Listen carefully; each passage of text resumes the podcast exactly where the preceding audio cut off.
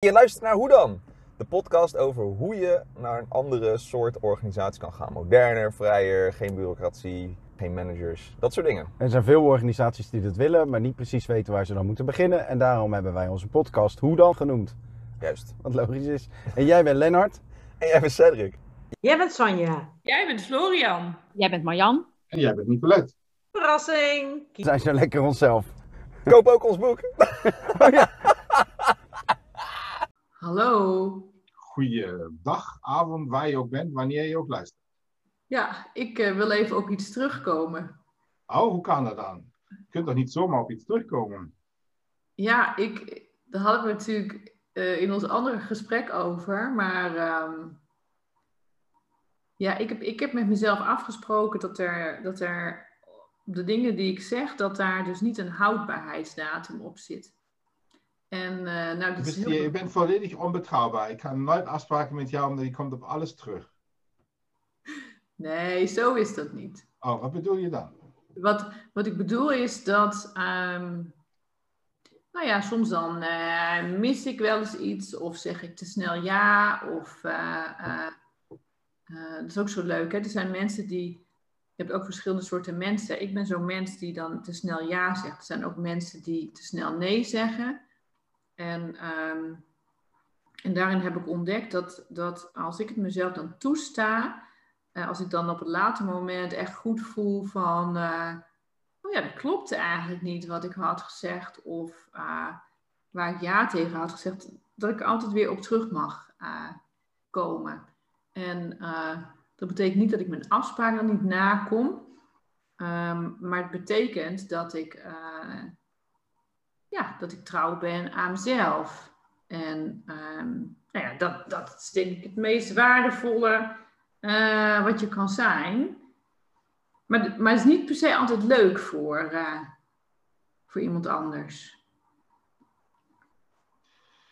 Nou ja, weet je, ehm, je zegt nu dat het niet betekent dat je niet op afspraken terugkomt, maar misschien kom je daar dus ook op terug. Ja, ja, Ehm, wat ik dan interessant vind is, ehm, hè, met name als je te snel tegen iets ja zegt, wat je niet kunt, niet wilt, geen zin in hebt, eh, nou ja, van alles wat dan bij jou speelt, waar je dan jezelf tegenkomt. Zo'n afspraak die maak je vaak, of je dwingt je tot iets, en dan is dat wel af, maar ja, jezelf hebt er in ieder geval geen energie van gekregen. Eh, of je verslonst het, je doet het half, je doet het te laat, je moet er 25 keer aan worden herinnerd. Dus het is heel erg getouwtrek en het is, kost energie, is niet leuk. Dus als je nu op iets terugkomt, op je jaar bijvoorbeeld terugkomt, eh, weet ik veel, ik heb daar een nacht over geslapen. En de volgende dag merk ik, ja, wacht even, dat, dat is toch een, dat, nee, dat is hem niet. En ik ga dan naar iemand terug om dat te overleggen. Dan, als het ware, hè, vooral in bedrijfsleven bijvoorbeeld, dan win ik extreem veel tijd. Omdat ik namelijk dan al zeg, ja, we moeten hier iets aan doen. Hè, dat, ik heb te snel ja gezegd. Nou, dan kun je op reageren. Dan kun je kijken of dat aangepast kan worden. Of dat iemand anders doet. Nou ja, dan kun je samen naar een oplossing zoeken. En anders ben je misschien dagen of weken verder. Eh, en die ander wacht op een uitkomst. En je hebt er geen zin in. En het gaat gewoon de verkeerde kant op, zeg maar. Ja, dan wordt het een soort bloedeloze iets, hè, waar dan de energie uitloopt. En dan heb je wel ja gezegd, ah, maar dan heb je niet werkelijk ja tegen gezegd. En uiteindelijk ehm, krijg je dan van die dode paarden waar iedereen aan aan het trekken is, wat, wat helemaal niet beweegt en wat dan toch eh, niks oplevert. En ehm, ja, dus, dus ja, soms is het gewoon echt heel mooi om dan maar redelijk kort erop dan te zeggen van ja, ik knip het door, want het klopt niet voor mij. Ja, als je op iets terugkomt, dan ehm, lijkt mij het beste dat je zegt, oh wacht even, hier loop ik tegen dit en dit aan, eh, dit en dit gebeurt bij mij, is dus zo. Ehm, dat betekent niet noodzakelijk dat je iets doorknipt of laat vallen, omdat als je al zegt, eh, het interesseert mij, na mij de zonvloed, eh, doe ik niet.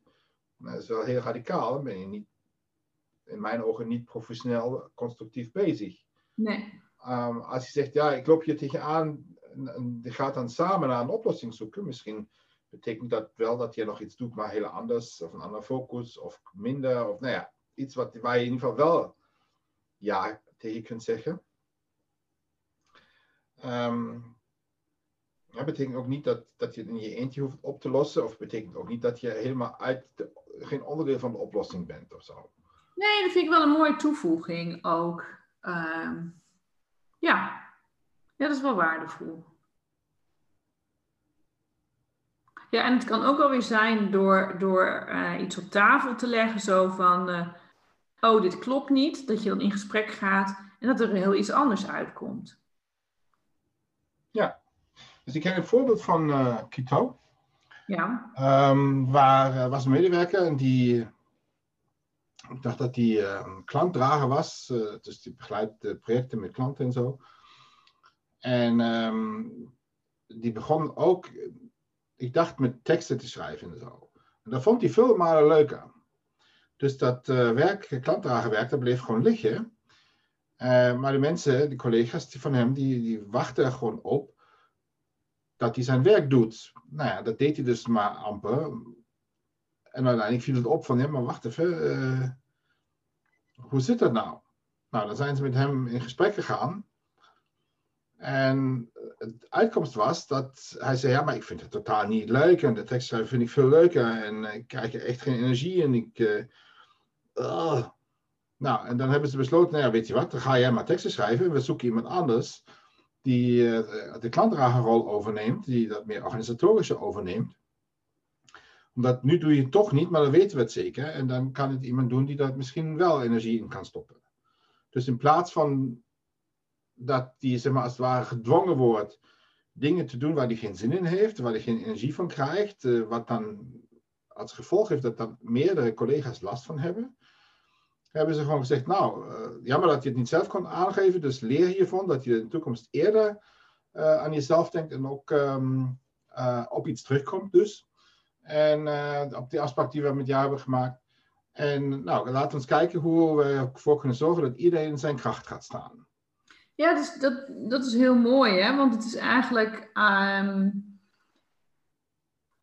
het klinkt als een soort, maar het is eigenlijk gewoon een soort paradox. Dus, eh, dus mensen, je wordt iets gevraagd en dan denk je van ik help de ander door het wel te doen. Maar uiteindelijk help je de ander uh, niet en wordt het eigenlijk alleen maar lastiger. Dus het moment dat je dicht bij jezelf bent en zegt van, ja, dit klopt voor mij niet, dan help je daar iedereen mee.